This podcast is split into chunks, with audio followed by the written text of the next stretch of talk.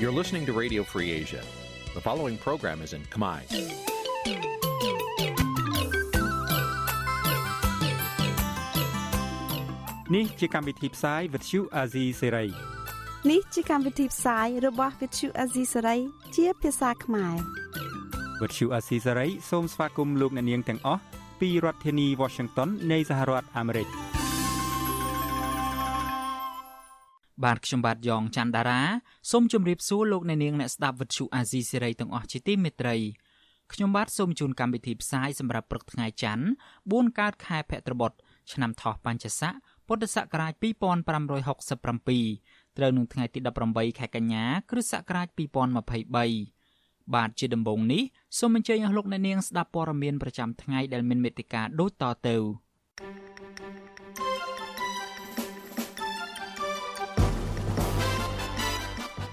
អគ្គនាយកដ្ឋានពន្ធដារព្រមានប្តឹងក្រុមហ៊ុនជិត40ទៅតុលាការលោកហ៊ុនម៉ាណែតឃោសនាលើកសរសើរចិនក្រោយទៅបំពេញទស្សនកិច្ចនៅប៉េកាំងគ្រួសារសកម្មជនគណៈបកប្រឆាំងបារម្ភពីបញ្ហាសុខភាពប្តីដែលកំពុងជាប់ឃុំ លោកដិតទីណាមិនអាចដោះស្រាយបញ្ហាប្រឈមរបស់កសិករបាននៅឡើយក្រោយខ្លាយជារដ្ឋមន្ត្រីកសិកម្មជិត1ឆ្នាំមកនេះរួមនឹងព័ត៌មានសំខាន់សំខាន់មួយចំនួនទៀត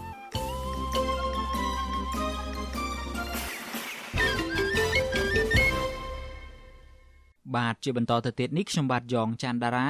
សូមជូនព័ត៌មានទាំងនេះពឺស្ដាអគ្គនាយកដ្ឋានពន្ធដារប្រមានប្តឹងក្រុមហ៊ុនជិត40ទៅតុលាការពាក់ព័ន្ធទៅនឹងការខកខានការបង់ពន្ធតាមការកំណត់ បាទការប្រមានប្តឹងនេះធ្វើឡើងស្របពេលការប្រមូលពន្ធរយៈពេល8ខែនៅខ្វះចំនួន21%នៃផែនការប្រចាំឆ្នាំ2023បាទលោកអ្នកនាងនៅបានស្ដាប់សេចក្តីរាយការណ៍នេះពឹស្ដានៅពេលបន្តិចទៀតនេះលោកអ្នកនាងជាទីមេត្រីវិទ្យុអាស៊ីសេរីនឹងចេញផ្សាយ podcast កម្ពុជាសប្តាហ៍នេះនៅរៀងរាល់ព្រឹកថ្ងៃសៅរ៍ម៉ោងនៅកម្ពុជា នៃសប្តាហ៍នីមួយៗបាទកម្មវិធី podcast នេះ រៀបចំដោយនាយកនិងនាយករងនៃកម្មវិធីផ្សាយ Vithu Azizi Serai ជាភាសាខ្មែរគឺលោកសំពូលីនិងលោកជុនច័ន្ទបុតសូមប្រិយមិត្តស្វែងរក និងស្ដាប់ podcast របស់យើង នៅលើកម្មវិធី podcast របស់ Apple, Google និង Spotify ដោយគ្រាន់តែសរសេរពាក្យថា កម្ពុជាសប្តាហ៍នេះឬ Cambodia This Week នៅក្នុងប្រអប់ស្វែងរក យើងក៏នឹងចាក់ផ្សាយកម្មវិធី podcast នេះឡើងវិញ នៅក្នុងកម្មវិធីផ្សាយផ្ទាល់របស់យើងតាមបណ្ដាញសង្គម Facebook YouTube និង Telegram នៅរៀងរាល់យប់ថ្ងៃច័ន្ទម៉ោងនៅកម្ពុជា បាទសូមអរគុណ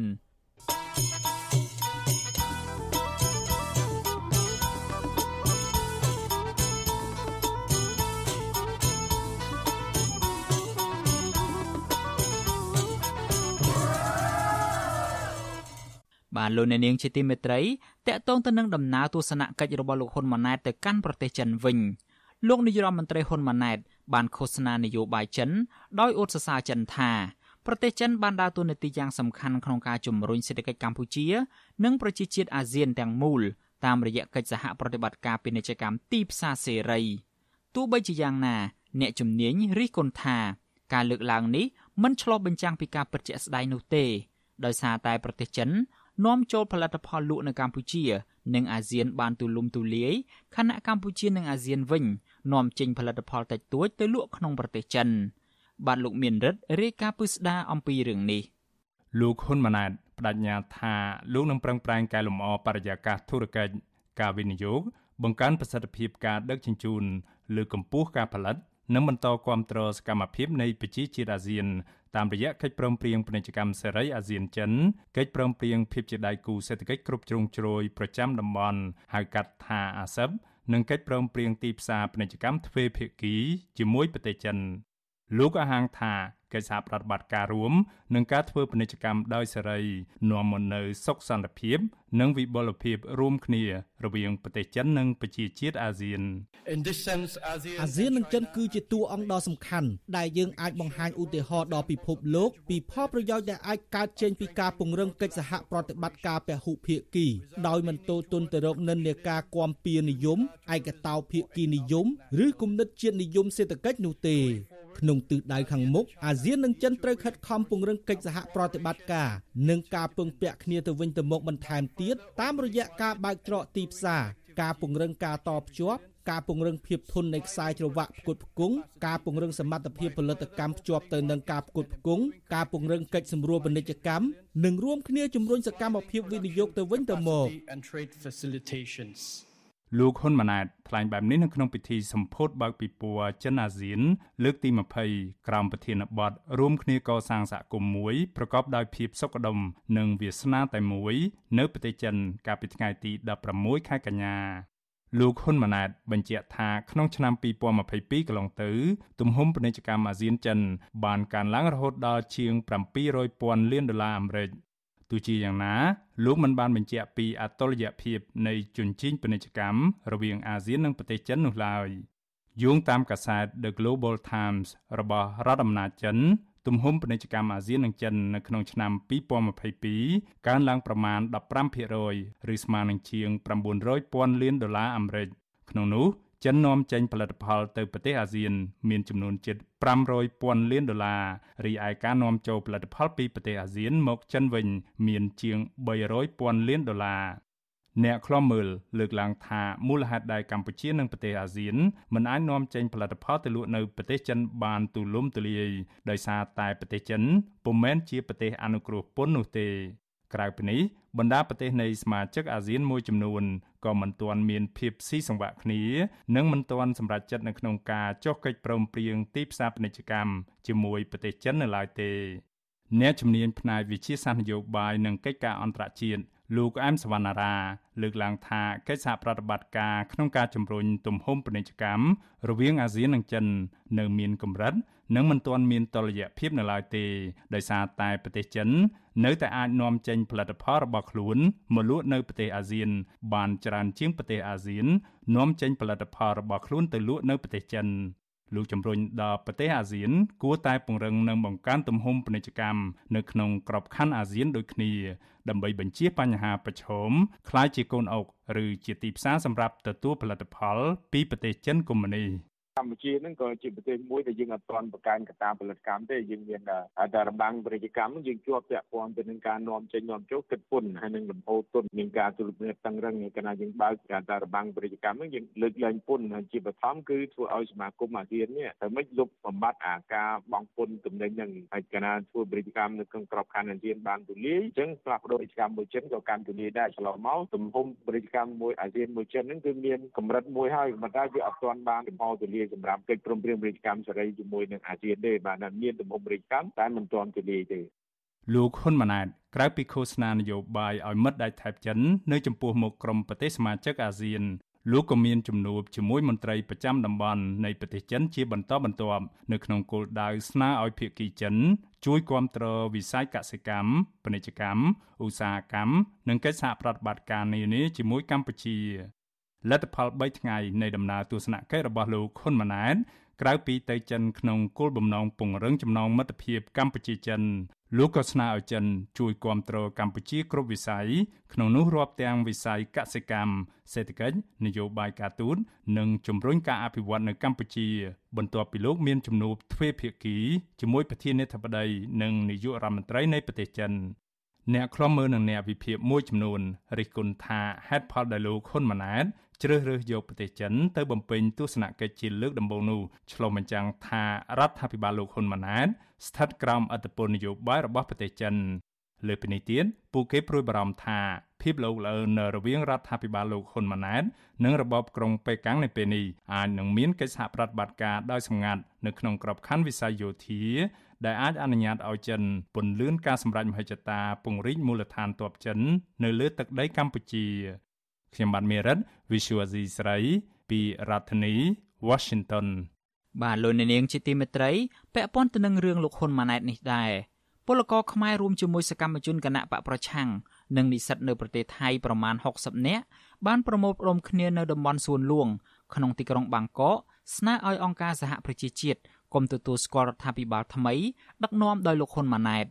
ក្រៅពីស្នើឲ្យអង្គការសហប្រជាជាតិដាក់សម្ពាធលើរដ្ឋាភិបាលថ្មីឲ្យលើកកម្ពស់ការគោរពសិទ្ធិមនុស្សនិងអនុវត្តតាមកិច្ចព្រមព្រៀងសន្តិភាពទីក្រុងប៉ារីសថ្ងៃទី23តុលាឆ្នាំ1991ហើយនោះក្រុមអ្នកតវ៉ាក៏បានលើកបដាស្នើឲ្យអង្គការសហប្រជាជាតិអន្តរាគមន៍ដោះលែងអ្នកទោសនយោបាយនិងសកម្មជនសិទ្ធិមនុស្សទាំងអស់ឲ្យមានសេរីភាពឡើងវិញវិទ្យុអាស៊ីសេរីមិនអាចតាក់ទងប្រធានអង្គភិបអ្នកនាំពាក្យរដ្ឋាភិបាល លោកប៉ែនបូណាដើម្បីឆ្លើយតបរឿងនេះបានទេ កាលពីថ្ងៃទី17ខែកញ្ញាពលករខ្មែរធ្វើការនៅប្រទេសថៃម្នាក់ដែលបានចូលរួមនៅក្នុងការតវ៉ានេះគឺលោកឆនសុខឿនប្រាប់វិទ្យុអាស៊ីសេរីកាលពីថ្ងៃទី17កញ្ញាថាអង្គការសហប្រជាជាតិមិនត្រូវទទួលស្គាល់រដ្ឋាភិបាលដែលកើតចេញពីការបោះឆ្នោតคล้ายៗនោះឡើយលោកអះអាងថាក្រមប្រជាពលរដ្ឋនៅប្រទេសថៃនឹងបន្តការតវ៉ាជាថ្មីទៀតនៅក្នុងពេលឆាប់ៗខាងមុខដើម្បីឲ្យអង្គការសហប្រជាជាតិ ស្នើឲ្យមានការបោះឆ្នោតនៅកម្ពុជាឡើងវិញយើងដឹងហើយថាការបោះឆ្នោតនេះមិនមែនជាការបោះឆ្នោតបញ្ជាក់ឲ្យឃើញពីត្រឹមត្រូវសេរីយុត្តិធម៌ទេព្រោះឯគណៈបកប្រឆាំងដ៏ធំបំផុតមិនបានចូលរួមបោះឆ្នោតលហើយគឺពួកយើងមិនមិនមិនមិនឈប់សកម្មភាពដាច់ខាតកាលពីខែសីហាកន្លងទៅ ក្រុមពលករខ្មែរធ្វើការនៅប្រទេសថៃក៏បានដាក់ញត្តិនៅតាមស្ថានទូតដែលជាប្រទេសម្ចាស់ហត្ថលេខីនៃកិច្ចព្រមព្រៀងសន្តិភាពទីក្រុងប៉ារីចំនួន6ប្រទេសមានដូចជាស្ថានទូតអាមេរិកស្ថានទូតអាល្លឺម៉ង់និងឥណ្ឌូនេស៊ីជាដើមដើម្បីស្នើឲ្យបណ្ដាប្រទេសទាំងនោះកុំទទួលស្គាល់រដ្ឋាភិបាលថ្មីរបស់លោកហ៊ុនម៉ាណែតដែលពួកគាត់អះអាងថាកើតចេញពីការបោះឆ្នោតដែលមិនសេរីនិងមិនត្រឹមត្រូវ បាទលោកអ្នកនាងជាទីមេត្រីខ្ញុំបាទសូមជម្រាបជូនលោកអ្នកនាងកញ្ញាទាំងអស់ឲ្យបានជ្រាបថាវិទ្យុអាស៊ីសេរីនៅពេលនេះមានការផ្សាយនៅតាមវិទ្យុរលកថេដាកាខ្លីឬមួយក៏ shortwave តាមកម្រិតនិងកម្ពស់ថ្មីមួយគឺតាមកម្រិតនិងកម្ពស់ដូចតទៅនេះបាទពេលព្រឹកគឺចាប់ពីម៉ោង5កន្លះដល់ម៉ោង6កន្លះតាមរយៈប៉ុស SW 12.14 MHz ស្មើនឹងកម្ពស់ 25m និងប៉ុស SW 13.71 MHz ស្មើនឹងកម្ពស់ 22m ពេលយប់ចាប់ពីម៉ោង7កន្លះដល់ម៉ោង8កន្លះតាមរយៈប៉ុស SW 9.33 MHz ស្មើនឹងកម្ពស់ 32m ប៉ុស SW 11.88 MHz ស្មើនឹងកម្ពស់ 25m និងប៉ុស SW 12.15 MHz ស្មើនឹងកម្ពស់ 25m បាទសូមអរគុណ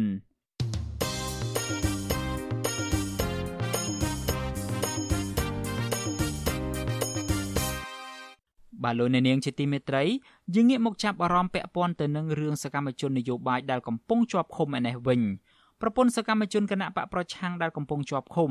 លើកឡើងថាប្តីរបស់ពួកគាត់មានបញ្ហាសុខភាពធ្ងន់ធ្ងរដែលប្រឈមដល់អាយុជីវិតប្រសិនបើព្យាបាលមិនទាន់ពេលវេលាពួកគាត់ទទូចឲ្យមន្ត្រីពន្ធនាគារយកចិត្តទុកដាក់ចំពោះសុខភាពអ្នកជាប់ឃុំនយោបាយនិងពិនិត្យព្យាបាលអ្នកជំងឺឲ្យបានដិតដល់ក្រុមគ្រួសារសកម្មជនគណៈបកប្រឆាំង ព្រួយបារម្ភថាប្រសិនបើមន្ត្រីពន្ធនាគារ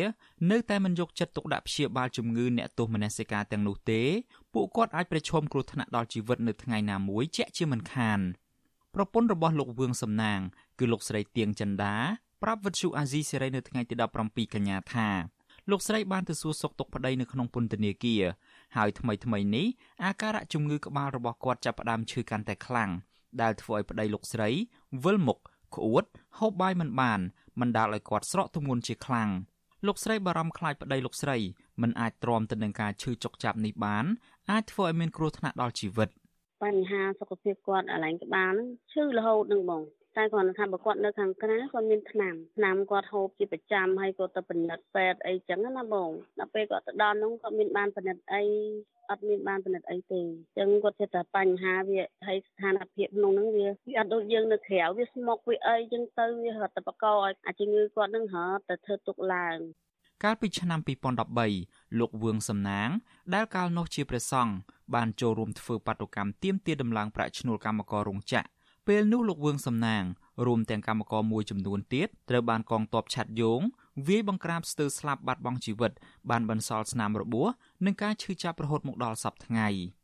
ស្រដៀងគ្នានេះប្រពន្ធរបស់លោកកកុម្ភាគឺលោកស្រីព្រំចន្ទថាថ្លែងថាកាលពីប្តីរបស់លោកស្រីមិនទាន់ជាប់ឃុំសុខភាពរបស់លោកមាំមួនគឺមិនអាក្រក់ដូចពេលបច្ចុប្បន្ននេះទេ លោកស្រីបន្តថាមូលហេតុដែលស្ថានភាពជំងឺប្តីលោកស្រីចេះតែដុនដាបទៅគឺដោយសារតែបរិយាកាសនៅក្នុងពន្ធនាគារចង្អៀតណែននិងហូបចំណីអាហារគ្មានជីវជាតិធ្វើឲ្យជំងឺគៀបឆ្អឹងរបស់គាត់កាន់តែធ្ងន់ធ្ងរមានតែការសោកស្ដាយមានតែ មានការខកចិត្តដោយសាររដ្ឋាភិបាលគាត់ធ្វើមកលើអញ្ចឹងមកដាក់ប្រជាពលរដ្ឋខ្លួនឯងជាពិសេសសម្ដេចយុរដ្ឋត្រីគាត់ធ្វើអញ្ចឹងមកលើពលរដ្ឋខ្លួនឯងអញ្ចឹងវាអត់កើតទេដោយសារពួកគាត់អត់មានកំហុសសោះតែម្ដងទី1ទី2ទៀតគាត់សិតតែមន្ត្រីនយោបាយដែលល្អមានឆន្ទៈអញ្ចឹងគាត់គួរថាងយកធនធានមនុស្សបែបគ្រួសារពួកខ្ញុំហ្នឹងដើម្បីធ្វើការងារដើម្បីបំពេញកាតព្វកិច្ចមើលថែប្រជាពលរដ្ឋគាត់គួរគិតបែបហ្នឹងមិនមែនយកគ្រួសារពួកខ្ញុំដែលអត់កំហុសសោះយកដាក់ពន្ធនាគារដោយអយុត្តិធម៌ទេ ប្រពន្ធសកម្មជនគណៈបកប្រឆាំងអះអាងដូចដូចគ្នាថាមន្ត្រីពន្ធនាគារគួរតែពិចារណាដោះលែងប្តីរបស់ពួកគាត់ឲ្យមានសេរីភាពវិញពីព្រោះពួកគាត់មិនបានប្រព្រឹត្តខុសច្បាប់នោះទេបើទោះបីជាសកម្មជនគណៈបកប្រឆាំងក្នុងពន្ធនាគារជួបទុកលំបាកបែបណាក្តីក៏ជំហររបស់ពួកគាត់នៅតែដដែលគឺមិនព្រមចោះចូលជាមួយគណៈបកកណ្ដាលអំណាចដើម្បីដូរយកសិទ្ធិសេរីភាពនោះទេឆ្លើយតបទៅនឹងបញ្ហានេះ អ្នកនាំពាក្យអគ្គនាយកដ្ឋានពន្ធនាគារនៃក្រសួងមហាផ្ទៃលោកនុតសវណ្ណាលើកឡើងថាលោកទទួលស្គាល់ថានៅក្នុងពន្ធនាគារពិតជាខ្វះខាតថ្នាំសង្កូវពិតមែនក៏ប៉ុន្តែបញ្ហាសុខភាពវិញលោកថាតែងកើតមានជារឿងធម្មតាដោយសារតែនៅក្នុងពន្ធនាគារមានអ្នកជាប់ឃុំច្រើន។ ពីណាក៏មានបញ្ហាដែរនិយាយទៅចេះចុះរហូតប៉ុន្តែយើងមិនអាចថាឲ្យទៅលើកឡើងយើងចេះតែជូនទៅតាមការលើកឡើងហ្នឹងក៏វាពិបាកដល់មន្ត្រីខ្ញុំដែរតែមន្ត្រីពន្ធនាគារយើងចែករំលែកហើយនឹងខិតខំព្យាយាមតាមអ្វីដែលយើងអាចគ្រប់គ្រងបានប៉ុន្តែមិនឲ្យស្ថិតក្រោមបទដ្ឋានបបរមាទេពាក់ព័ន្ធទៅនឹងសំណើសុំបញ្ជូនអ្នកជាប់ឃុំទៅព្យាបាលនៅមន្ទីរពេទ្យក្រៅពន្ធនាគារវិញអាជ្ញាធរតែងតែរងការរិះគន់ពីប្រជាពលរដ្ឋ និងក្រុមអ្នកការពារសិទ្ធិមនុស្សថាអនុវត្តច្បាប់មានស្តង់ដារ2ទៅលើអ្នកជាប់ឃុំដោយមូលហេតុនយោបាយផ្ទុយពីអក្រិតជនមួយចំនួនដែលបានប្រព្រឹត្តបទល្មើសធំធំពួកគេទទួលបានការអនុញ្ញាតពីមន្ត្រីពន្ធនាគារឲ្យនៅក្រៅឃុំដើម្បីព្យាបាលជំងឺជុំវិញបញ្ហានេះប្រធានអង្គការសម្ព័ន្ធភាពការពារសិទ្ធិមនុស្សកម្ពុជាហៅកាត់ថាច្រាក់លោករស់សុថាមានប្រសាសន៍ថា ជនជាប់ឃុំបាត់បង់តែសិទ្ធិសេរីភាពមួយចំនួនប៉ុណ្ណោះក៏ប៉ុន្តែចំពោះបញ្ហាសុខភាពវិញពួកគាត់មានសិទ្ធិទទួលបានការថែទាំលោកស្នើឲ្យអាជ្ញាធរពិចារណាឲ្យជនជាប់ឃុំទាំងអស់ទទួលបានការព្យាបាលដោយត្រឹមត្រូវ អាជ្ញាធរដែលទទួលបន្ទុកគ្រប់គ្រងពន្ធនាគារគឺត្រូវតែពិនិត្យដែរបាទទៅពិនិត្យអនុញ្ញាតឲ្យគេថាពេទ្យឯកទេសសុខភាពរបស់អង្គការដូចជាខាងរដ្ឋនឹងចូលពិនិត្យសុខភាពឲ្យបានគឺយកគាត់ទៅពិនិត្យនៅកន្លែងជនដែលអាចទុកចិត្តបានដើម្បីឲ្យដឹងថាតើសុខភាពរបស់គាត់នឹងយ៉ាងដូចម្ដេចហើយត្រូវចាត់វិធានការផ្ដល់នៅគេថាសេវាសុខភាពឲ្យបានសមស្រប បច្ចុប្បន្ននេះមានសកម្មជនគណៈបកប្រឆាំងសកម្មជនសង្គមនិងអ្នករិះគន់រដ្ឋាភិបាលប្រមាណ70នាក់កំពុងជាប់ឃុំនៅក្នុងពន្ធនាគារពួកគេភ័យច្រើនត្រូវបានតុលាការចោទប្រកាន់ពីបទញុះញង់និងបទរួមគំនិតក្បត់អង្គការសង្គមស៊ីវិលជាតិនិងអន្តរជាតិចាត់ទុកការចាប់ខ្លួនទាំងនេះថាជាការធ្វើទុកបុកម្នេញផ្នែកនយោបាយនិងទាមទារឲ្យរដ្ឋាភិបាលដោះលែងពួកគាត់ឲ្យមានសេរីភាពឡើងវិញដោយឥតលក្ខខណ្ឌ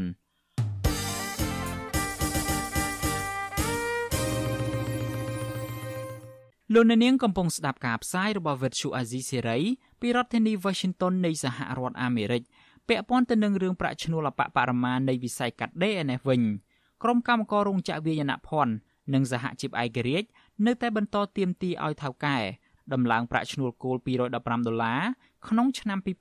2024ដើម្បីទប់ទល់ជីវភាពនៅក្នុងវិបត្តិសេដ្ឋកិច្ចខណៈភាគីនយោជកនៅតែរក្សាជំហរជាង1ដុល្លារដដែល មន្ត្រីសហជីពថាផ្អែកទៅលើស្ថានភាពនៃការផលិតនិងពន្ធនាំចេញភាគីនយោជកអាចឡើងបានច្រើនជាងនេះប៉ុន្តែថៅកែរោងចក្រតែងតែយកល្បិចថាគ្មានការបញ្ជាទិញយកមកប្រើនៅក្នុងពេលចរចាដំឡើងប្រាក់ខែកម្មករនេះបាទនេះជាសេចក្តីរាយការណ៍របស់លោកយុនសាមៀនលទ្ធផលបឋមនៃការចរចាដំឡើងប្រាក់ខែអបបរមារបស់កម្មកររោងចក្រសម្រាប់ឆ្នាំ2024មកទល់ពេលនេះ នៅមិនទាន់មានសញ្ញាវិជ្ជមានសម្រាប់ភាគីកម្មករនៅឡើយទេដោយភាគីថៅកែអាចឡើងឲ្យបានត្រឹមតែ50សេនឬស្មើនឹង2000រៀលបន្ថែមលើតួលេខចាស់1ដុល្លារកម្មការនីនៅរោងចក្រ Aniking ក្នុងសង្កាត់ទឹកថ្លាលោកស្រីទូសំភ័សប្រាប់បច្ចុប្បន្នអសីសេរីនៅថ្ងៃទី16កញ្ញាថាការដំឡើងប្រាក់ខែតែជាង1ដុល្លារនេះ មិនអាចធ្វើឲ្យជីវភាពលំបាកលំបិនរបស់លោកស្រី បានល្អប្រសើរនោះឡើយលោកស្រីចង់បានប្រាក់ខែគោល215ដុល្លារព្រោះបច្ចុប្បន្នលោកស្រីគ្មានប្រាក់ចំណូលពីការថែមម៉ោងដូចមុន ហើយថែមទាំងត្រូវជាប់ភារកិច្ចបង់ប្រាក់សោធននិវត្តន៍ប្រចាំខែចំនួន5ដុល្លារខណៈកាលពីឆ្នាំ2023រោងចក្រដំឡើងប្រាក់ខែបានត្រឹមតែ6ដុល្លារតែប៉ុណ្ណោះ ចាបើកាត់ពួកខ្ញុំយកម្នាក់5រៀលទៅវិញហើយមានប្រាក់ខែងាប់ណា200អូយអត់លំពឹងទេបាន6រៀលកាត់5រៀលបានរៀល50សេននិងកាត់ថែម50សេននេះទៀតទៅខ្ញុំមិនដែលលំពឹងរឿងប្រាក់ខែទេតម្លើងឲ្យទេខ្ញុំពឹងលំពឹងកតកែគាត់ឲ្យថែមមកទេបើរឿងលំពឹងលុយគេឡើងខ្ញុំពួកខ្ញុំមិនមានសង្ឃឹមទេកាន់តឡើងប្រាក់ខែមកកាន់តែថ្លៃថ្លៃផ្ទះកាន់តែឡើងចំណែកកម្មករធ្វើការនៅរោងចក្រឌីឡានៅរាជធានីភ្នំពេញ លោកសួនរតនាលើកឡើងថាការដំឡើងប្រាក់ខែគូលត្រឹមតែជាង1ដុល្លារគឺជាតួលេខដ៏អាក្រក់មួយដែលកម្មករមិនអាចទទួលយកបាននោះទេលោកលើកឡើងថាបច្ចុប្បន្នកម្មករនៅរោងចក្រភាគច្រើនរស់បានពឹងផ្អែកទៅលើប្រាក់ខែគូលតែប៉ុណ្ណោះព្រោះមិនសូវមានការងារថែមម៉ោងដូចមុនឡើយដូច្នេះការដំឡើងប្រាក់ខែគូលជាង1ដុល្លារបែបនេះនឹងធ្វើឲ្យការរស់នៅរបស់កម្មករកាន់តែលំបាកដោយកម្មករត្រូវកាត់បន្ថយរបបអាហារ និងការចំណាយក្នុងគ្រួសាររងហើយខ្ញុំដើរនៅក្នុងរោងចក្រលើថាតម្លើង1ដុល្លារកន្លះមិនមានអ្នកណាសប្បាយចិត្តហើយគិតថាមិនដឹងតម្លើងមកអី1ដុល្លារកន្លះវិទ្យុអាស៊ីសេរីមិនទាន់អាចតាក់ទងរដ្ឋមន្ត្រីក្រសួងកាងារលោកហេងសួរនិងអគ្គលេខាធិការនៃសមាគមរោងចក្រកាដេនៅកម្ពុជាលោកខេនលូដើម្បីសុំការបកស្រាយជុំវិញបញ្ហានេះបាននៅឡើយទេនៅថ្ងៃទី16ខែកញ្ញាតាក់ទងទៅនឹងរឿងនេះប្រធានសហភាពការងារកម្ពុជាលោកអាត់ធុនឲ្យដឹងថា កិច្ចប្រជុំចរចានឹងធ្វើឡើងនៅថ្ងៃទី18ខែកញ្ញាខាងមុខម្ដងទៀតដោយភាគីសហជីពអាចបែកចេញជាពីរគឺម្ខាងរក្សាតម្លៃ215ដុល្លារនិងម្ខាងទៀតអាចបន្ថយតម្លៃលេខដើម្បីបដូរយកលក្ខខណ្ឌដែលនយោជកព្រមដំឡើង1ដុល្លារ50សេនលោកថាការដំឡើងប្រាក់ឈ្នួលជាង1ដុល្លារ គឺមិនសមស្របទៅនឹងផលចំណេញដែលរោងចក្រទទួលបាន ពីការអនុគ្រោះពន្ធរបស់កម្ពុជាគណៈលោកមើលឃើញថាភិក្ខីនយោជកតែងតែប្រើលេសថាគ្មានការបញ្ជាទិញមកប្រើក្នុងពេលចរចាដំឡើងប្រាក់ខែឲ្យកម្មករចឹងជារួមគឺការដែលมันមានការងារធ្វើដោយអ្នកបញ្ជាទិញហ្នឹងវាជារឿងមួយប៉ុន្តែរឿងល្បិចអាក្រក់របស់នយោជកហ្នឹងវាជារឿងមួយទៀតដែល ធ្វើឲ្យកម្មករបាត់បង់ការងារដែរជាយុទ្ធសាស្ត្រមួយនយោជកគឺគាត់និយាយថាគាត់មិនអាចទៅរួចធ្វើអាជីវកម្មមិនកើតធ្វើឲ្យការអឡើងទៀមទាឡើងប្រាក់ឈ្នួលឡើងមិនរួចទេចឹងជាដើមប៉ុន្តែរឿងព័ត៌មានហ្នឹងគឺយើងទទួលបានជិត20ឆ្នាំហើយឆ្នាំណាក៏យើងឮតែនិយាយបែបហ្នឹងដែរដូចជាមិនមានអីថ្មីមិនមានអីប្លែកទេបាទកាលពីថ្ងៃទី13កញ្ញាសមាជិកក្រុមប្រឹក្សាជាតិប្រាក់ឈ្នួលអបបរមាភិក្ខីកម្មករនយោជកបានដាក់លិខិតទៅក្រសួងកាងារ ស្នើសុំដំឡើងប្រាក់ឈ្នួលអបបរមាសម្រាប់កម្មករនយោជកឆ្នាំ2024ចំនួន215ដុល្លារនិងដំណោះស្រាយ11ចំណុចបន្ថែមទៀតដូចជាបញ្ចុះតម្លៃទឹកភ្លើង ស្នើសុំក្រុមហ៊ុនផ្ដល់រថយន្តដឹកកម្មករដែលមានលក្ខណៈបច្ចេកទេសត្រឹមត្រូវនិងស្នើសុំនយោជកផ្ដល់អាហារថ្ងៃត្រង់ឬប្រាក់1ដុល្លារក្នុងមួយថ្ងៃដល់កម្មករជាដើមកម្មករធ្វើការនៅក្នុងវិស័យកាត់ដេរលើកឡើងថា ប្រសិនបើភាគីនយោជកនិងក្រសួងកាងារមិនដំឡើងប្រាក់ឈ្នួលអបបរមាតាមការស្នើសុំរបស់កម្មករទេនោះពួកគាត់នឹងធ្វើចំណាក់ស្រុកទៅធ្វើការនៅក្រៅប្រទេសជាជាងទ្រាំធ្វើការនៅក្នុងស្រុកដោយជីវភាពលំបាកខ្ញុំយុនសាមៀនវិទ្យុអាស៊ីសេរីប្រធានាធិបតី Washington លោកអ្នកនាងកញ្ញាជាទីមេត្រីវិទ្យុអាស៊ីសេរីសូមជូនដំណឹងថា យើងគ្មានអ្នកយកព័ត៌មានប្រចាំនៅប្រទេសកម្ពុជាទេប្រសិនបើមានជនណាម្នាក់អះអាងថាជាអ្នកយកព័ត៌មានឲ្យវិទ្យុអាស៊ីសេរីនៅកម្ពុជានោះគឺជាការក្លែងបន្លំយកឈ្មោះអាស៊ីសេរីទៅប្រើនៅក្នុងគោលបំណងទុច្ចរិតណាមួយរបស់បុគ្គលនោះតែប៉ុណ្ណោះបាទសូមអរគុណ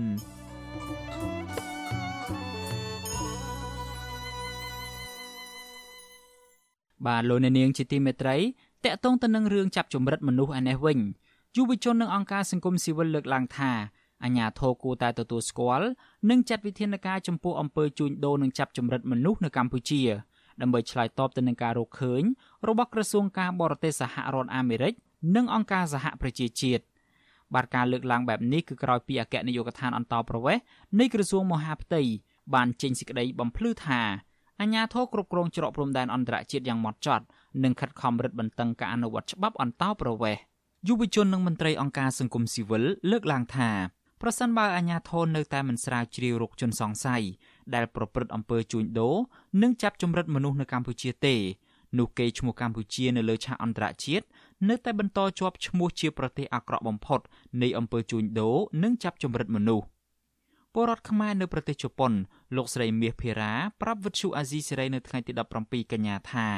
លោកស្រីមានការព្រួយបារម្ភថា នៅពេលកម្ពុជាជាប់ឈ្មោះអាក្រក់បំផុតនៃអំពើជួញដូរមនុស្សនោះនឹងធ្វើឲ្យប្រជាពលរដ្ឋខ្មែរនៅក្រៅប្រទេសនឹងពិបាកស្វែងរកការងារធ្វើគាត់គួរតែ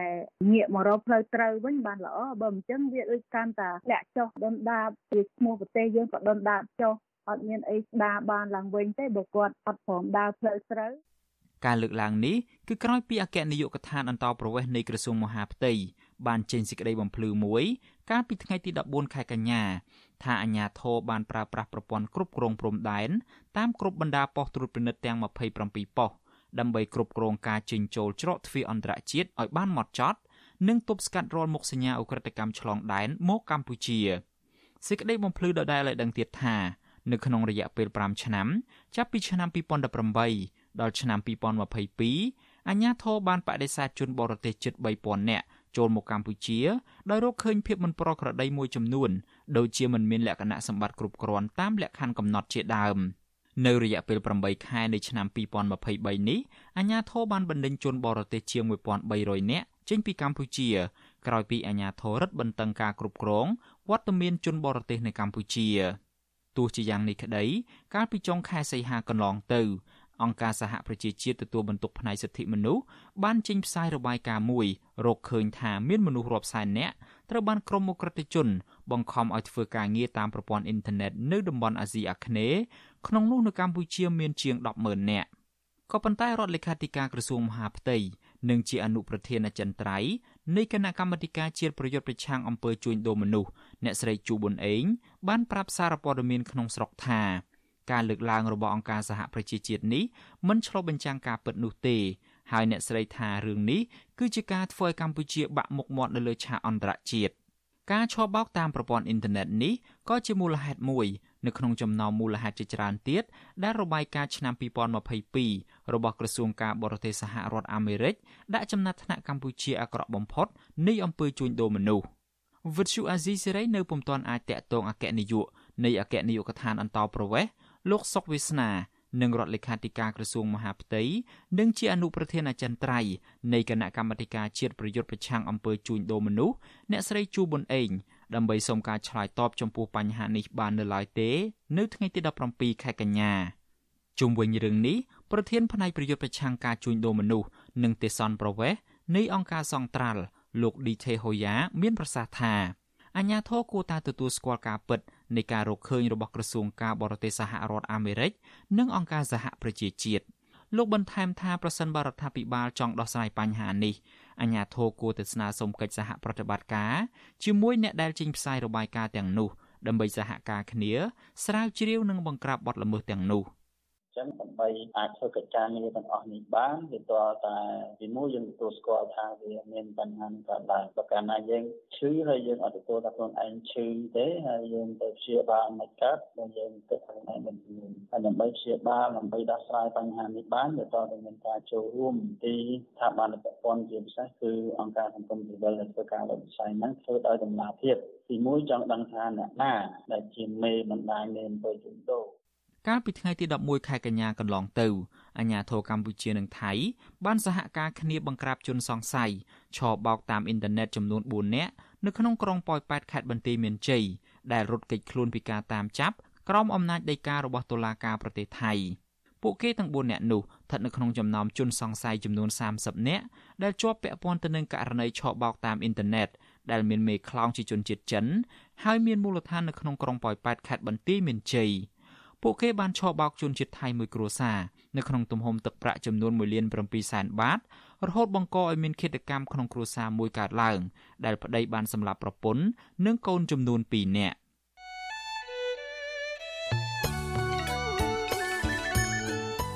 លោកអ្នកនាងជាទីមេត្រីវិទ្យុអាស៊ីសេរីចាប់ផ្ដើមដំណើរការផ្សាយផ្ទាល់កម្មវិធីព័ត៌មានទាំងពេលព្រឹកនិងពេលយប់ជាផ្លូវការនៅលើបណ្ដាញសង្គមថ្មីមួយទៀត គឺបណ្ដាញសង្គម Telegram ចាប់ពីខែមេសាឆ្នាំ2023នេះតទៅលោកអ្នកនាងអាចស្វែងរក Telegram ផ្លូវការរបស់ Vuthu Azizi Siri ដោយស្វែងរកពាក្យថា Vuthu Azizi Siri ឬក៏ RFA ខ្មែរនៅលើទូរស័ព្ទដៃរបស់លោកអ្នកនាង បាទ Telegram ផ្លូវការរបស់ Vithu Azizi Serai មានសញ្ញា Tick ជាសញ្ញាសម្គាល់បាទក្រុមការងាររបស់ Vithu Azizi Serai នឹងព្យាយាមរិះរកមធ្យោបាយថ្មីថ្មីបន្ថែមទៀត ដើម្បីផ្ដល់ភាពងាយស្រួលដល់លោកអ្នកនាងកញ្ញានៅក្នុងការស្ដាប់និងទស្សនាការផ្សាយព័ត៌មានរបស់យើង បាទសូមអរគុណ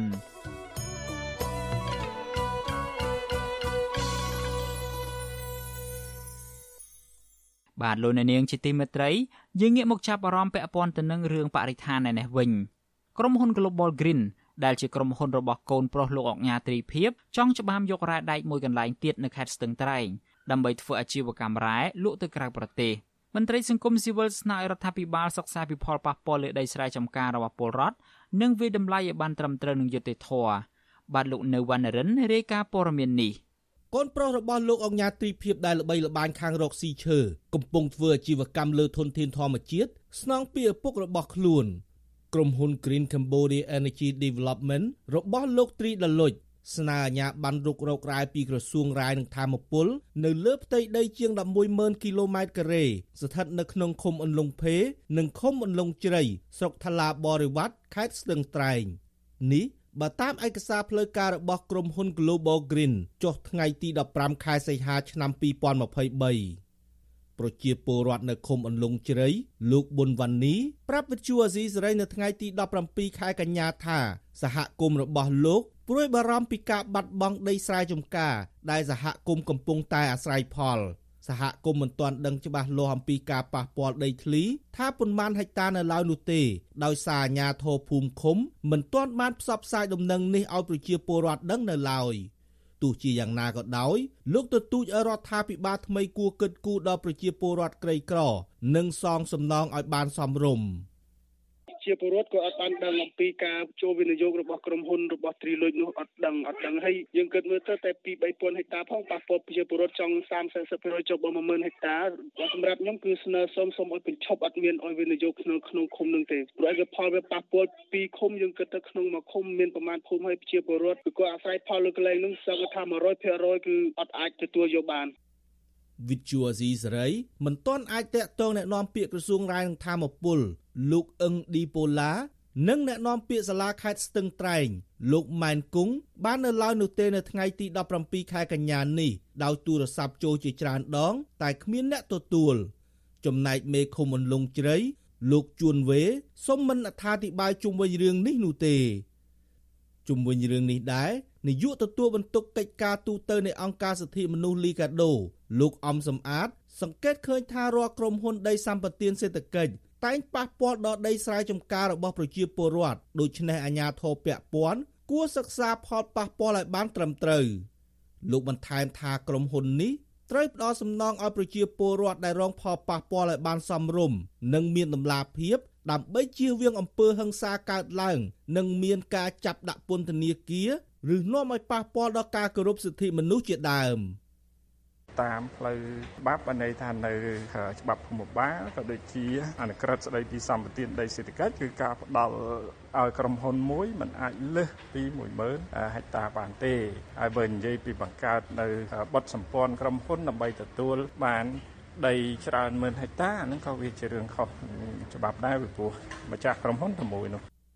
បច្ចុប្បន្នក្រុមហ៊ុនមួយនេះកំពុងធ្វើអាជីវកម្មនៅខេត្តព្រះវិហារក្នុងស្រុកចំនួន2គឺស្រុកជ័យសែននិងស្រុករវៀងរួចក៏ដឹកជញ្ជូនតាមរថយន្តនិងសាឡង់ទៅលក់នៅប្រទេសវៀតណាមអាជីវកម្មរ៉ែដែករបស់ក្រុមហ៊ុន Global Green បានប៉ះពាល់ដល់ដីស្រែចម្ការរបស់ជនជាតិដើមភាគតិចគួយចំនួន4ឃុំលើផ្ទៃដីប្រមាណ5000ហិកតា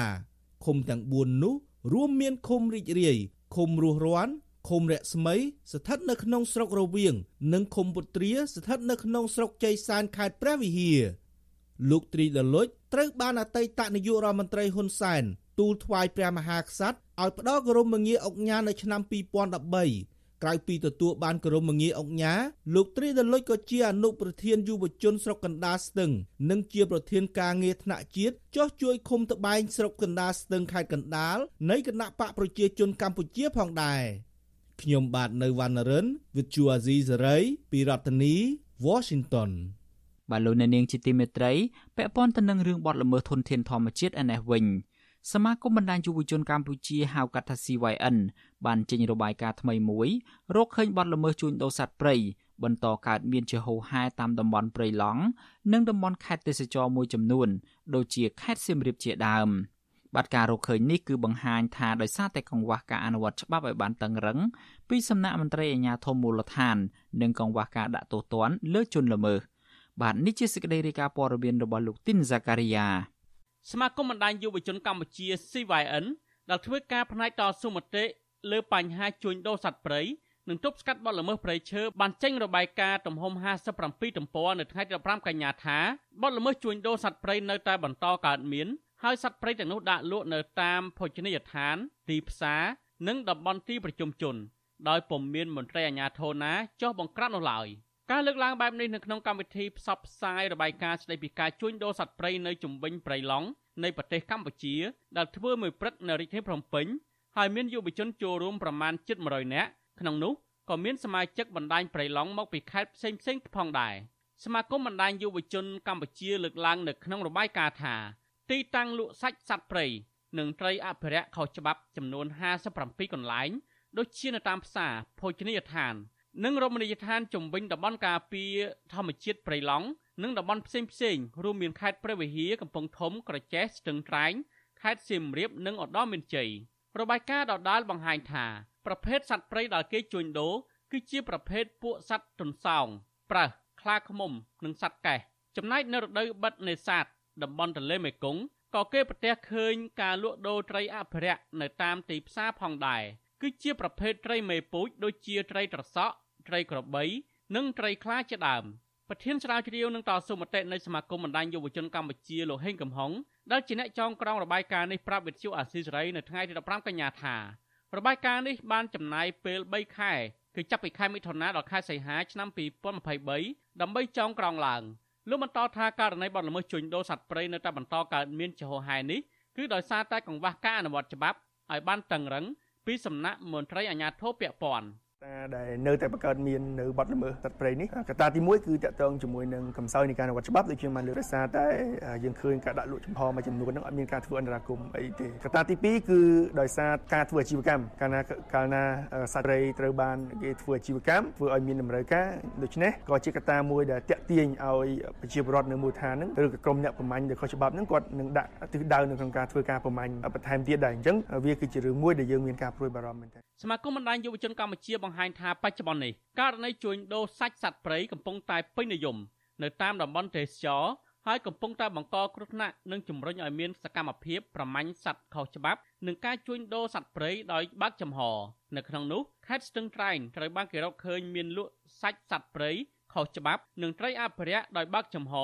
និងញឹកញាប់ច្រើនជាងបណ្ដាខេត្តផ្សេងទៀតប្រធានបណ្ដាញព្រៃឡង់ប្រចាំខេត្តកំពង់ធំលោកហ៊ឿនសុភីបលើកឡើងថា ករណីបទល្មើសជួញដូរសត្វព្រៃនៅតំបន់ការពារព្រៃឈើជាពិសេសព្រៃឡង់ហាក់ដូចជារឿងសាមញ្ញស្របពេលដែលអាជ្ញាធរតាមមូលដ្ឋានពុំដាល់អើពើចុះបង្ក្រាបលើករណីនេះនោះឡើយលោកបន្តថាសប្តាហ៍ថ្ងៃនេះនៅតំបន់ព្រៃឡង់តែងតែជួបប្រទះអន្ទាក់ចាប់សត្វព្រៃជាញឹកញាប់ដូចជាសត្វស្វាទន្សោងជ្រូកព្រៃជាដើមលោកទទូចឲ្យអាជ្ញាធរពាក់ព័ន្ធគួរតែពង្រឹងការអនុវត្តច្បាប់ឲ្យបានម៉ត់ចត់ នាយករដ្ឋមន្ត្រីថ្មីហ៊ុនម៉ាណែតគាត់ថាលោកគួរតែគិតមើលរៀបចំពីការចុះស្រាវជ្រាវត្រីតាមមូលដ្ឋាន ដែលអសមត្ថភាពដែលមានអំពើពុករលួយច្រើនអញ្ចឹងគឺសូមឲ្យ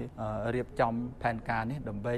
បញ្ជា នៅក្នុងការងារអភិវឌ្ឍប្រទេសជាតិប្រកបដោយប្រសិទ្ធភាពលុះត្រាតែយើងមានការស្រាវជ្រាវមានការដកចេញមន្ត្រីដែលអសមត្ថភាពសិនបានអាចធ្វើការងារនេះបានជុំវិញនឹងរឿងនេះអ្នកនាំពាក្យក្រសួងបរិស្ថានលោកផៃប៊ុនឈឿនប្រាប់វិទ្យុអាស៊ីសេរីថាករណីបទល្មើសជួញដូរសត្វព្រៃនៅតំបន់ការពារធនធានធម្មជាតិព្រៃឡង់នេះលោកពុំទាន់មានការឆ្លើយតបឬវិធានការអ្វីនោះទេដោយសារតែលោកពុំទាន់ក្តោបបានព័ត៌មានគ្រប់ជ្រុងជ្រោយ តែយ៉ាងណាលោកថាករណីនេះនឹងពិនិត្យឡើងវិញនៅពេលខាងមុខនឹងធ្វើការឡើងមកចត់បន្តិចជាមួយនឹងខាងជំនាញហើយនឹងជាមួយនឹងខេត្តដើម្បីបានព័ត៌មានគ្រប់ជ្រុងជ្រោយដើម្បី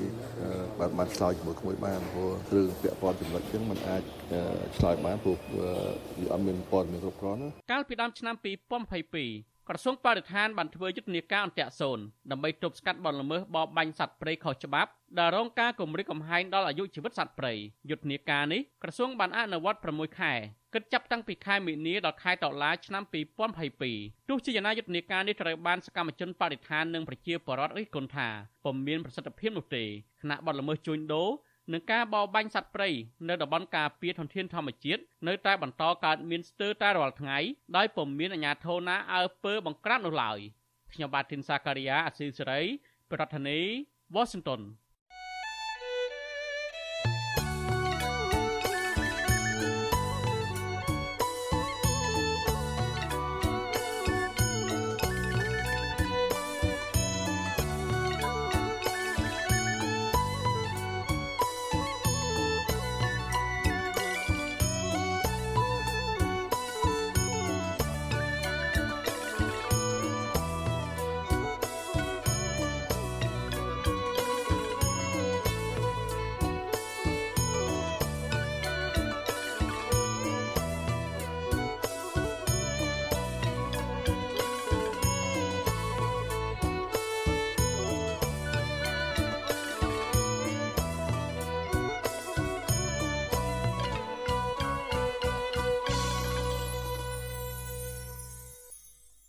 លោកអ្នកនាងកំពុងស្ដាប់ការផ្សាយរបស់ Vuthu Azizi Serai ពីរដ្ឋធានី Washington នៃសហរដ្ឋអាមេរិកអគ្គនាយកដ្ឋានពន្ធដារបានព្រមានប្តឹងក្រុមហ៊ុនចំនួនជិត40ទៅតុលាការពាក់ព័ន្ធទៅនឹងការខកខានបង់ពន្ធតាមកាលកំណត់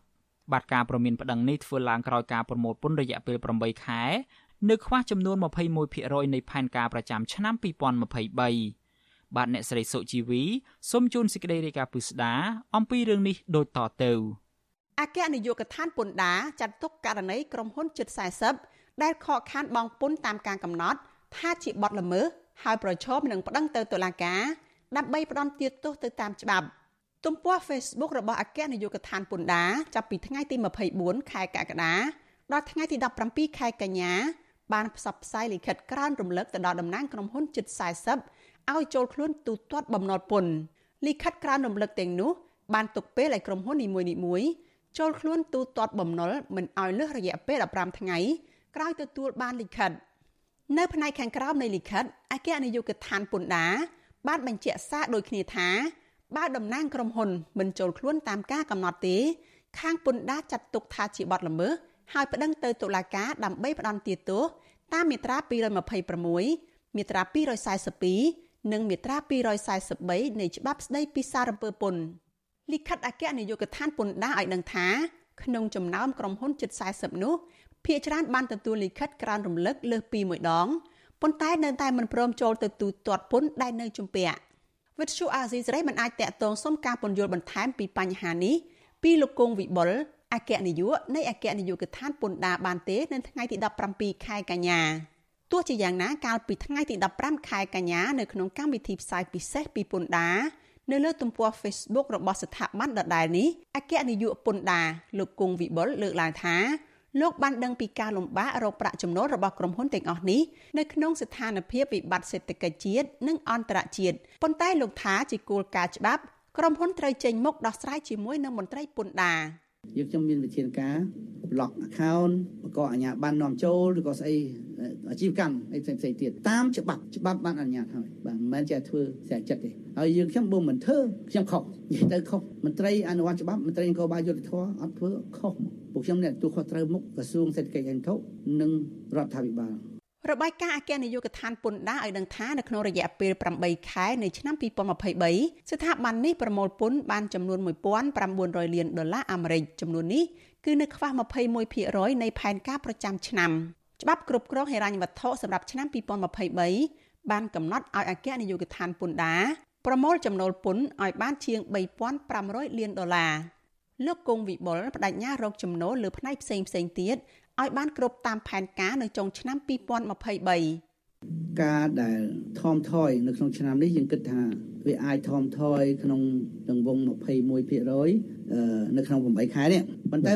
21%ថមថយនេះបើគិតទៅបូកទៅបូកមកនឹងវិធានការផ្សេងផ្សេងទៀតខ្ញុំថាខ្ញុំអាចរកគ្រប់ផែនការមិនឲ្យខ្វះទេ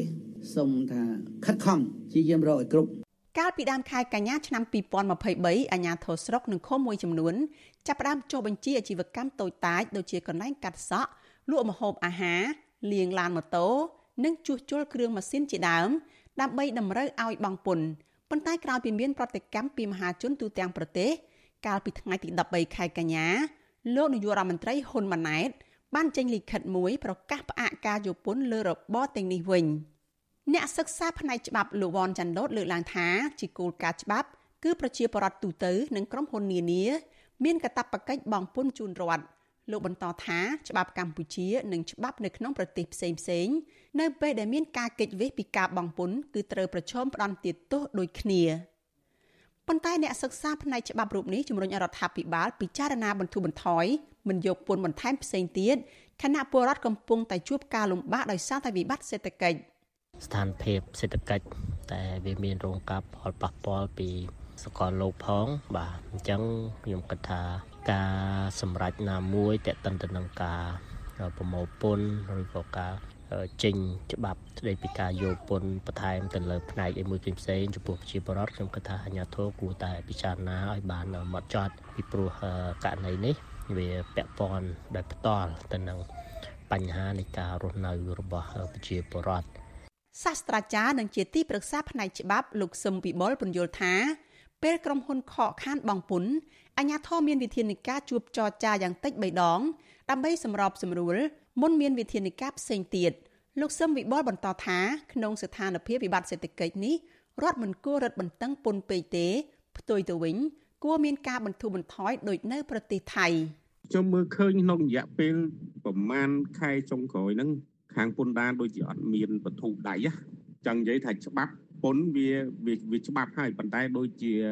ដូចជាអត់បន្ធូរដៃហើយជាពិសេសគួរតែលើកទឹកចិត្តទៅដល់អាជីវកម្មតូចតាចឬក៏មធ្យមអីហ្នឹងហើយគួរមិនគួរលើកលែងទេប៉ុន្តែអាចបន្ធូរបន្ថយអីចឹងណាអាហ្នឹងដូចនៅស្រុកថៃអីគេមានអញ្ចឹងអញ្ចឹងណាកាលពីឆ្នាំ2022រដ្ឋាភិបាល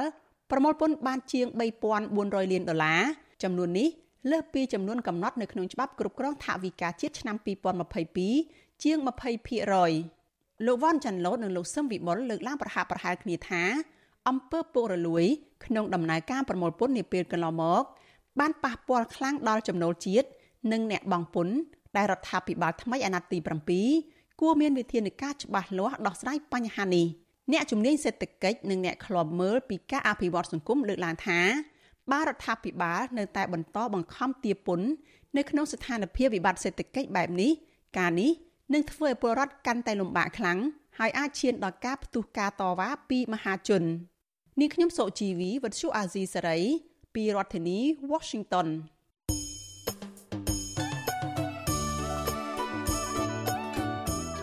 លោកអ្នកនាងជាទីមេត្រី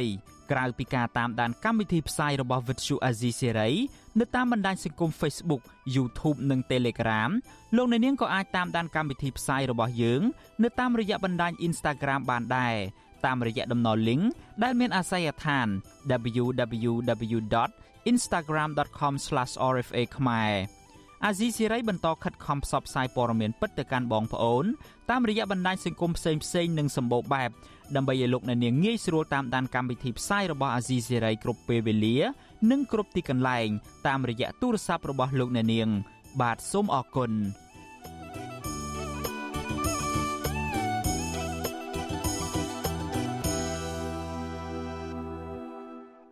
បាទលោកអ្នកនាងជាទីមេត្រី ពាក់ព័ន្ធទៅនឹងបញ្ហាជីវភាពរបស់កសិករឯនេះវិញ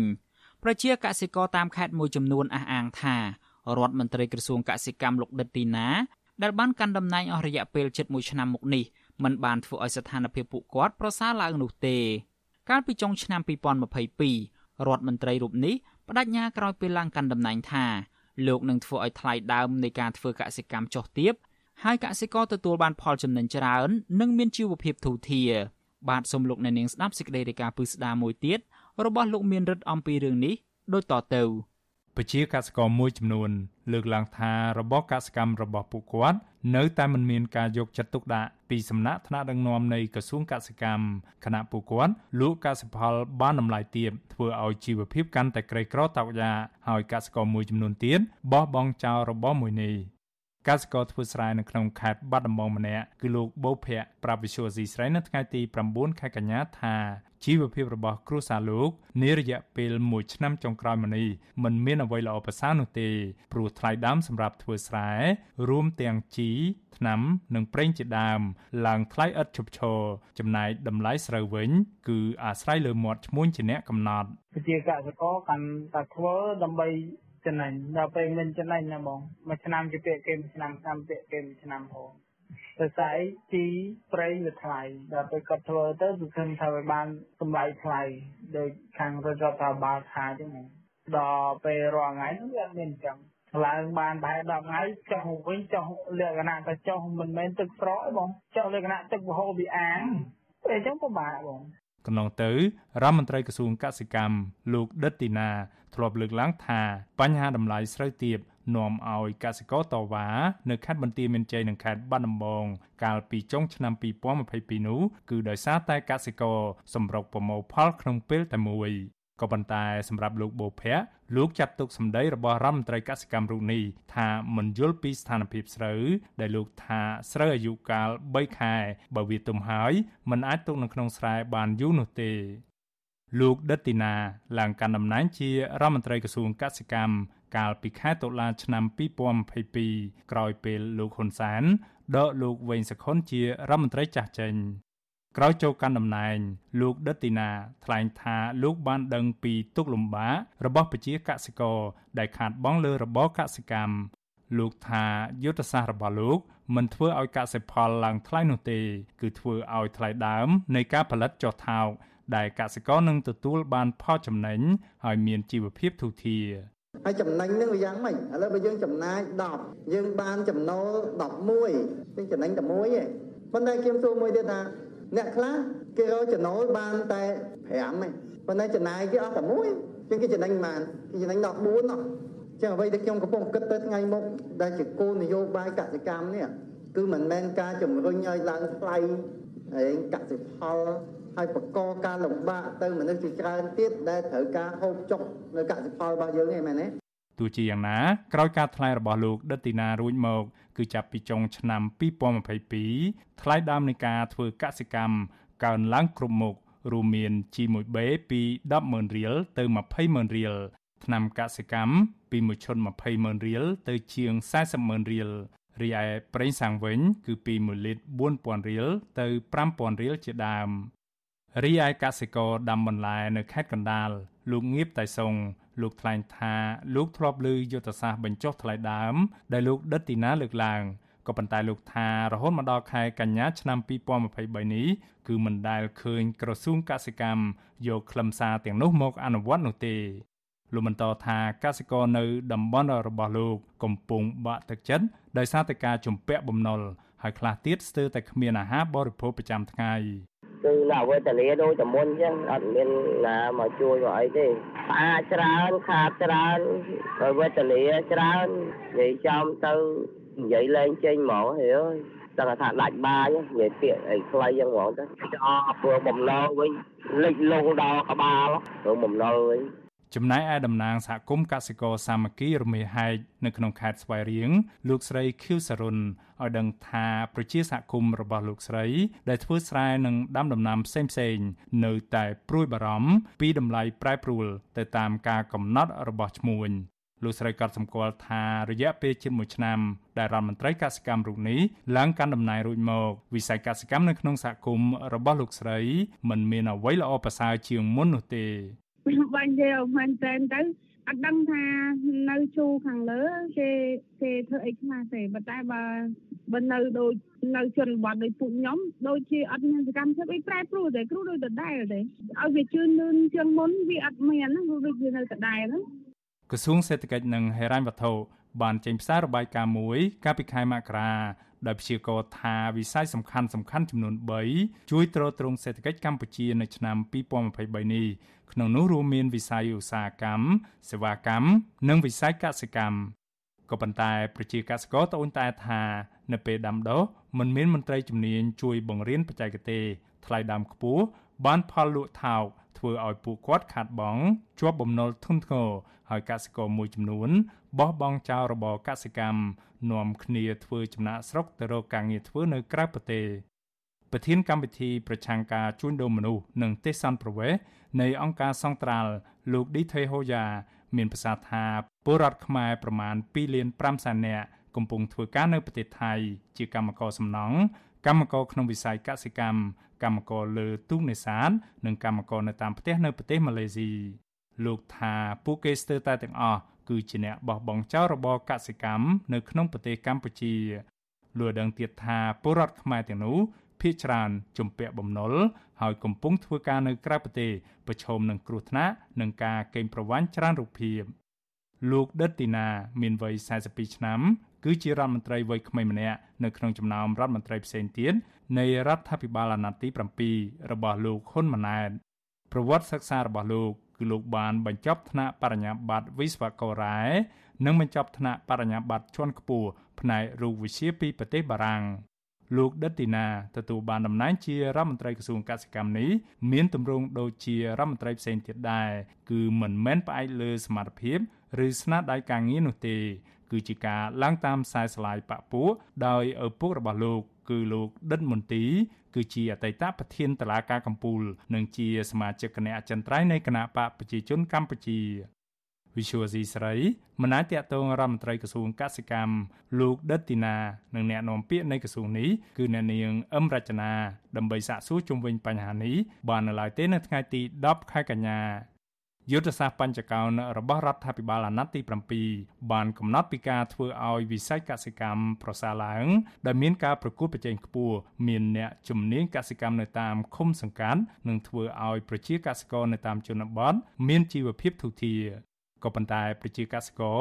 មិនមានជំនឿទៅលើយុទ្ធសាស្ត្ររបស់រដ្ឋាភិបាលអាណត្តិថ្មីនេះទេដែលថាអាចធ្វើឲ្យជីវភាពរបស់ពួកគាត់ល្អប្រសើរឡើងគឺដោយសារតែរដ្ឋាភិបាលដែលដឹកនាំដោយគណៈបកប្រជាជនកម្ពុជាកាលពីពេលកន្លងទៅ បានតែសន្យាទូយ៉ាងដូចជារដ្ឋមន្ត្រីក្រសួងកសិកម្មគឺលោកដិតទីណា ដែលបានដឹកនាំអស់រយៈពេលជិត1ឆ្នាំមកនេះគឺមានតែការសន្យា តែมันបានធ្វើដោយការសន្យានោះឡើយខ្ញុំបានមេរិត Visual C ស្រី ពីរដ្ឋធានី Washington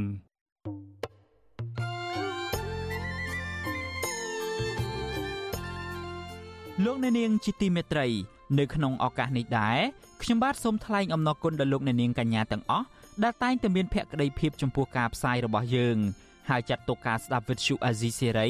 គឺជាផ្នែកមួយនៃសកម្មភាពប្រចាំថ្ងៃរបស់លោកអ្នកនាង គឺការគ្រប់គ្រងរបស់លោកអ្នកនាងនេះហើយដែលធ្វើឲ្យយើងខ្ញុំមានទឹកចិត្តកាន់តែខ្លាំងក្លាថែមទៀតនៅក្នុងការស្វែងរកនិងផ្តល់ព័ត៌មានជូនលោកអ្នកនាង មានអ្នកស្ដាប់អ្នកទស្សនាកាន់តែច្រើនកាន់តែធ្វើឲ្យយើងខ្ញុំមានភាពស្វាហាប់មោះមុតជាបន្តទៅទៀតយើងខ្ញុំសូមអរគុណទុកជាមុនហើយសូមអញ្ជើញលោកអ្នកនាងកញ្ញាទាំងអស់ចូលរួមជំរុញឲ្យសកម្មភាពផ្តល់ព័ត៌មានយើងនេះកាន់តែជោគជ័យបន្ថែមទៀតលោកអ្នកនាងអាចជួយយើងខ្ញុំបានដោយគ្រាន់តែចុចចែករំលែកឬមួយក៏ Share ការផ្សាយរបស់យើង នៅលើបណ្ដាញសង្គម Facebook និង YouTube ទៅកាន់មិត្តភ័ក្តិដើម្បីឲ្យការផ្សាយរបស់យើងបានទៅដល់មនុស្សកាន់តែច្រើន បាទសូមអរគុណ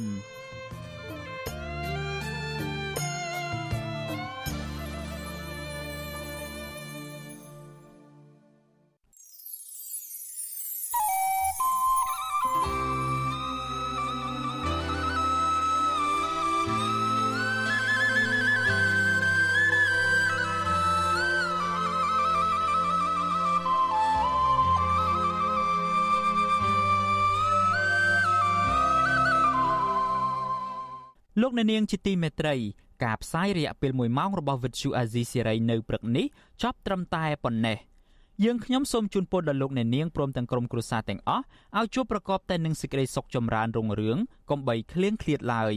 ខ្ញុំបាទយ៉ងច័ន្ទដារាព្រមទាំងក្រុមការងារទាំងអស់នៃ Vuthu Azizi Serai សូមអរគុណនិងសូមជម្រាបលា